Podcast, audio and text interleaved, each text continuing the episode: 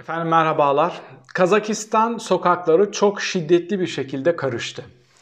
Bu Orta Asya uzmanlarının bile beklemediği bir karışıklıktı. Zira oradaki doğal gaz, petrol rezervleriyle birlikte otoriter bir rejim inşa etmeyi başarabilmiş ve Orta Asya standartlarında işleyen en başarılı, göreceli olarak e, halkıyla arasındaki ilişkileri kısmen daha başarılı götürmeye çalışan ya da başaran bir rejim vardı.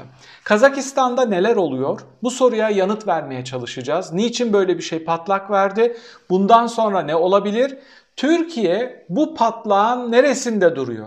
Kazakistan'da sokak karıştı, halk özgürlük, refah ve kısmen biraz daha fazla demokrasi istiyor. Ama Erdoğan rejimi bu tartışmaların neresinde duruyor? Bunlarla birlikte bir önceki yayınımız oldukça ses getirdi. Soner Çağaptay'ın Foreign Policy'de yazdığı ve Erdoğan'a af getirilmesi karşılığında yumuşak bir rejim değişikliği, iktidar devrinin mümkün olabileceğini e, tartışmıştık ve bu şunu iddia etmiştik. Bu makale sarayın bilinci, bilgisi dışında yazılmış olamaz diye bir iddiada bulunmuştuk. Sizlerden birçok soru geldi. Birincisi şu, gerçekten böyle bir affı destekliyor musunuz? Sizin görüşünüz ne? İkincisi, böyle bir şeyin vuku bulma şansı var mı? Yani Türkiye gerçeklerinde daha önce olmamış bir şey bu. Ee, ya da bu anlamda olmamış bir şey bu. Dolaylı olarak olmuş aslında. 12 Eylül e, darbesini yapanlar da kendilerine dokunulmazlık kalkanı getirmişlerdi. Böyle bir şey vuku bulabilir mi? Erdoğan affedilebilir mi? Gibi soruların yanıtlarını özetliyorum.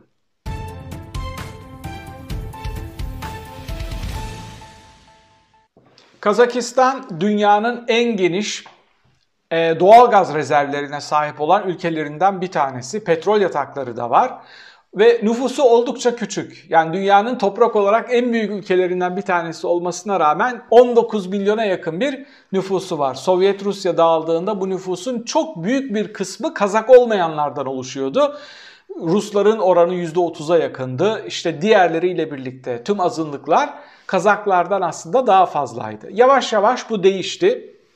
Ruslar Rusya Federasyonu'na gittiler. Büyük bir kısmı, hepsi değil ama hala yoğun bir Kazak nüfusu var. İlginç bir ülke, onu anlatmaya çalışıyorum. Çok kültürlü bir ülke, nüfusu çok karışık bir ülke ve inanılmaz otoriter bir rejim var. Ben yıllar önce Kazakistan'da Nazarbayev'in hamiliğinde bir konferansa katılmıştım. Enteresan bir ülke. Ee, derin e, girdileri var ve bu girdilerle birlikte yepyeni bir ülke ve başkent bile inşa edebiliyorlar. Parayı saçıyorlar ve bu parayla aslında otoriter rejimi finanse edebilecek ve ona güven kazandırabilecek hamleler de yapıyorlar. Bizdeki TOKİ sistemi gibi sizin diyelim ki çocuğunuza iş veriyorlar. Size TOKİ'den bir ev veriyorlar. O TOKİ'nin borcunu 30 yıla yayıyorlar. Siz riske giremiyorsunuz. Benim evim var. Çocuğumun işi var. Ben niye sokağa çıkayım? Bu tür hamlelerle otoriter bir rejimi kısmen götürmeye çalışıyorlardı ve olmadık bir şey oldu. Yani Orta Asya uzmanlarının da beklemediği bir şey oldu ki Orta Asya'yı uluslararası ilişkiler e, ilgimden dolayı çok yakından takip etmeye çalışan bir akademisyenim. Gerçekten de doğal gaz ve petrol rezervleri olan Orta Asya Cumhuriyetlerinde bu tür hamleler olmuyordu. Nerede oluyordu? Kırgızistan'da, Tacikistan'da, Gürcistan, işte Kafkasya'da. Neden? Çünkü bunların girdileri yok. Girdileri olmayanlarda habire işte devrimler, sokak gösterileri, protestolar oluyordu.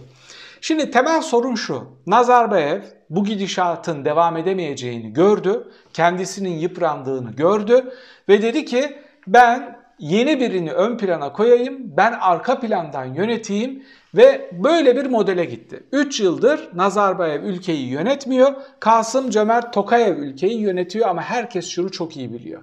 Ülke hala Nazarbayev'in elinde. Zaten Nazarbayev'in de genel planı ülkeyi Tokayev'e bırakmak değil. Sonuç olarak ülkede çok popüler ve etkin bir kızı var.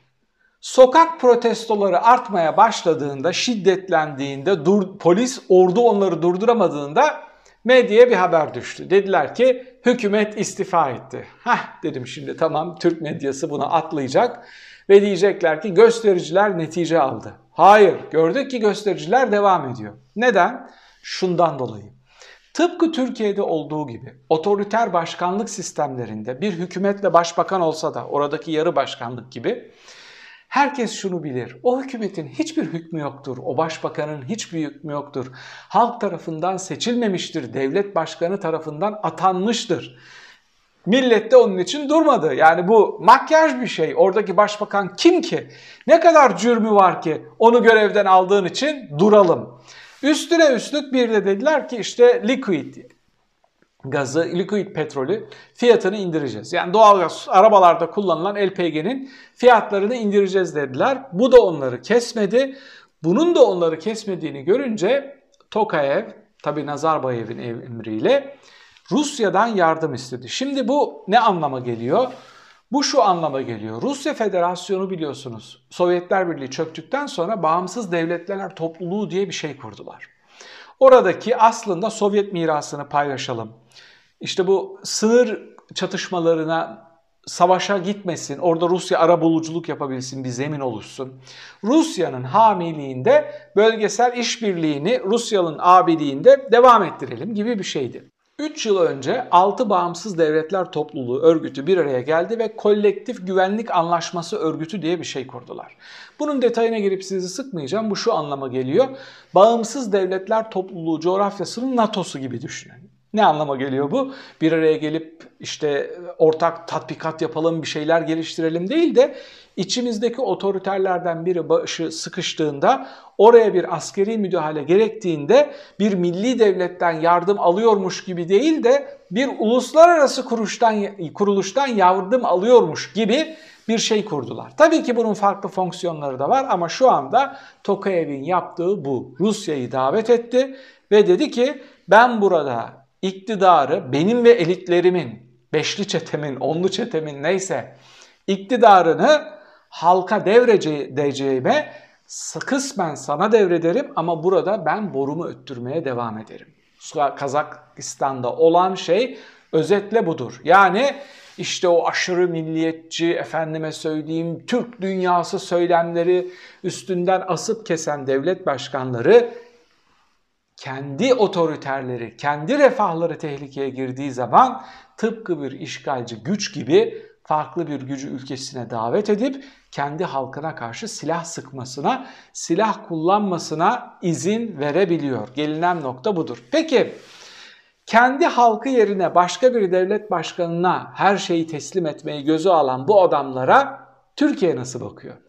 Birincisi Aksakallı diye bir adam var. Binali Yıldırım. Türkiye'nin aksakallısı çıktı çok komik bir açıklama yaptı. Açıklamayı gördüm. Dedim ki ya bunu yorumlamayacağım Allah kahretmesin. O kadar rezil bir duruş ki bu adamlar monşerlerle dalga geçerek geldiler. Açıklamada süt, liman hiçbir şeye dokunma yok. Ne halkı tutuyor ne Tokayev'i tutuyor. İşte Kazakistan'daki güvenliğin en önemli olduğunu söyler. Burada çatışmaların bir an önce bitmesini temenni eder. Ne diyorsun? Neyi? Kim haklı, kim güçlü, ne yapsın? Suriye'de ne yaptınız? Suriye'de sokağa çıkan 3-5 kişinin arkasından haydi silah basalım, bunu devireceğiz, 3 günde şuraya gideceğiz, 5 günde buraya geleceğiz. Net tavır aldınız değil mi? Ve bunu demokrasi adına yaptınız. Kazak halkının yanında olmayı ve demokrasi talebine destek vermeyi meye cesaret edemediler. Neden? Çünkü iki gün önce Erdoğan demiş ki burada da sokağa çıkabilirler. Burada korkular depreşmiş Kazakistan'ı görünce. Burada da şu olabilir, burada da bu olabilir. Biz sizi süreceğiz 15 Temmuz gibi yapacağız. Oradan aslında Tokayev'e destek gönderiyor.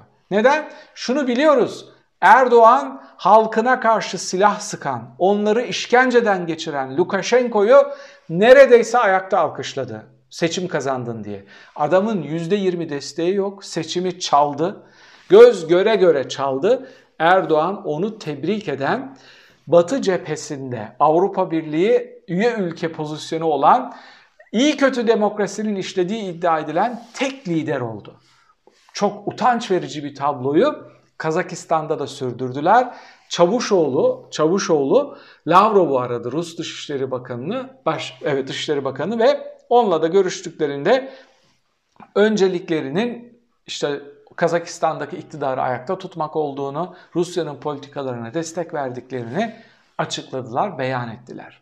Görüyorsunuz değil mi? Alın size Türk dünyası. Alın size Halife-i Ruhi Zemin. Rusya Halife-i Ruhi Zemin'e e, asker gönderiyor, onu korumaya çalışıyor. Peki Kazak halkı ne istiyor deyip bu konuyu bitirelim. Bir kere gerçekten bir iktidar değişikliği istiyorlar. Yani bir seçim olsun. Kazakistan'daki seçimler kağıt üstünde seçim. Devlet başkanı %100 oyun tamamını alıyor. Bazen kimse karşısına çıkıp aday olamıyor.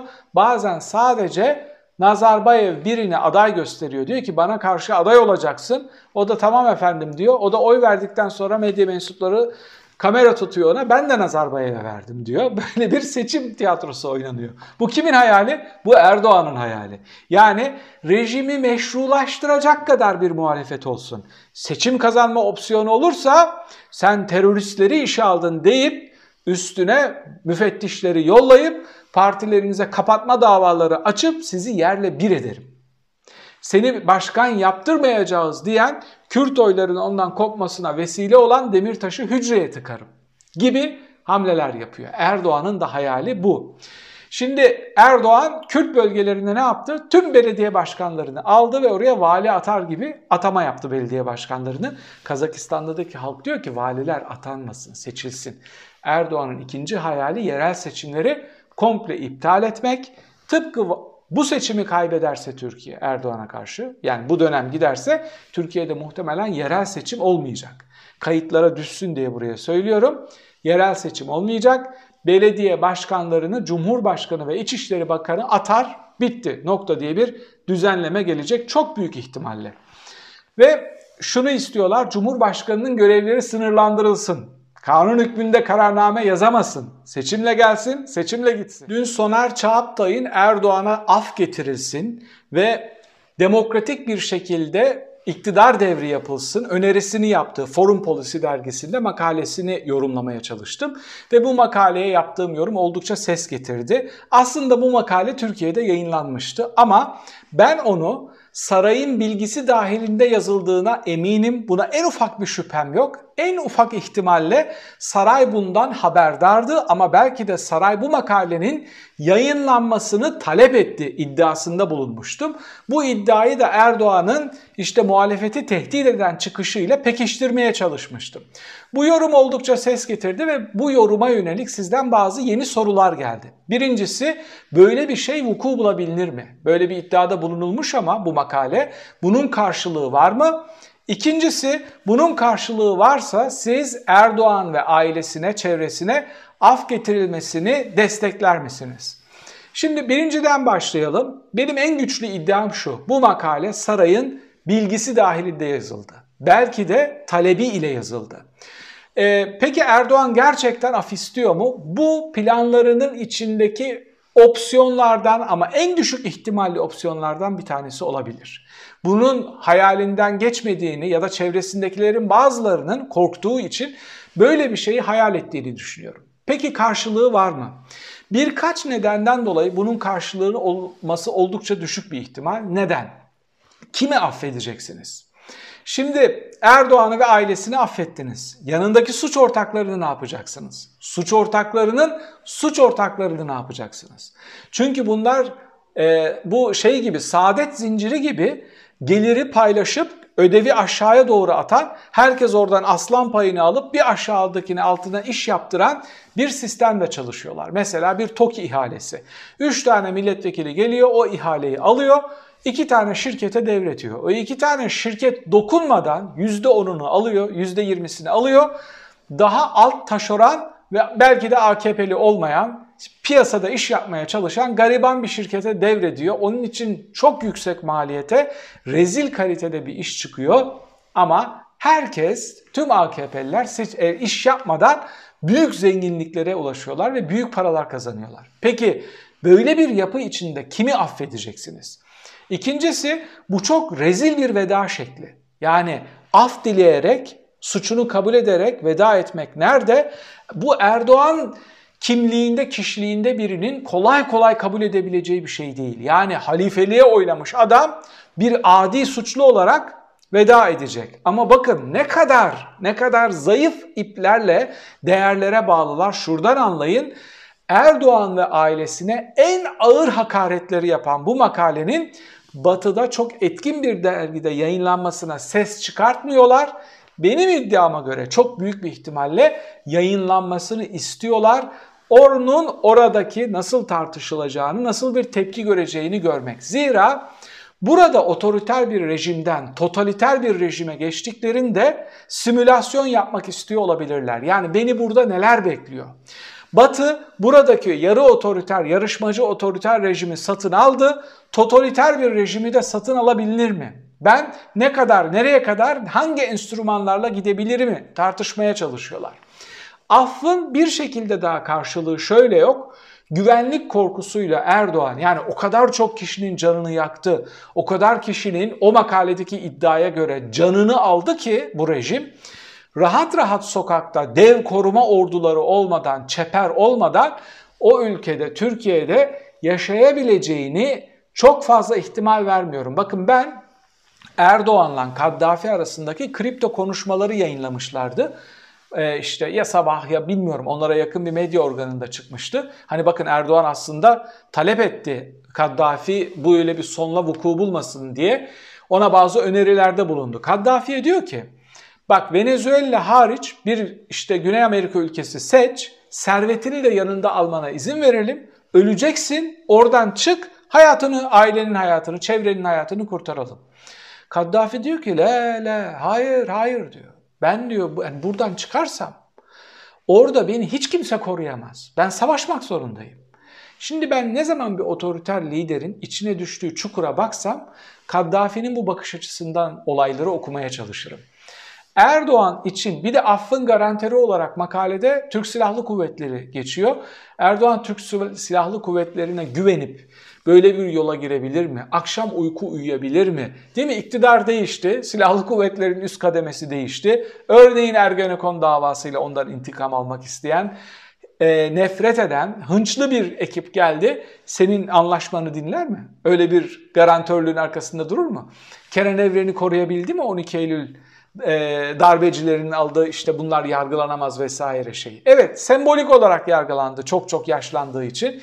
Ya da Çevik Bir'e bakın değil mi 28 Şubat'ın esip savuran e, güçlü şeyi paşası içeride. Yani zayıfladığınız zaman, güçten düştüğünüz zaman siyasi bir enstrüman haline dönebiliyorsunuz. Erdoğan gibi bir liderin, Erdoğan gibi her şeyi güç, her şeyi risk alma, korkutma ve bu istikamette yoluna devam etme opsiyonu üstünden yoluna devam eden bir aktörün af opsiyonunu çok ciddi bir şekilde düşündüğüne ihtimal vermiyorum. Düşündüğünü, çevresinin bunu ona teklif ettiğini, böyle bir opsiyonu yoklamamız gerektiğini belki tutturabiliriz. Çünkü onlar için şu anda gerçekten de en rahat çıkış bu. Sandıktan çıkamıyorlar.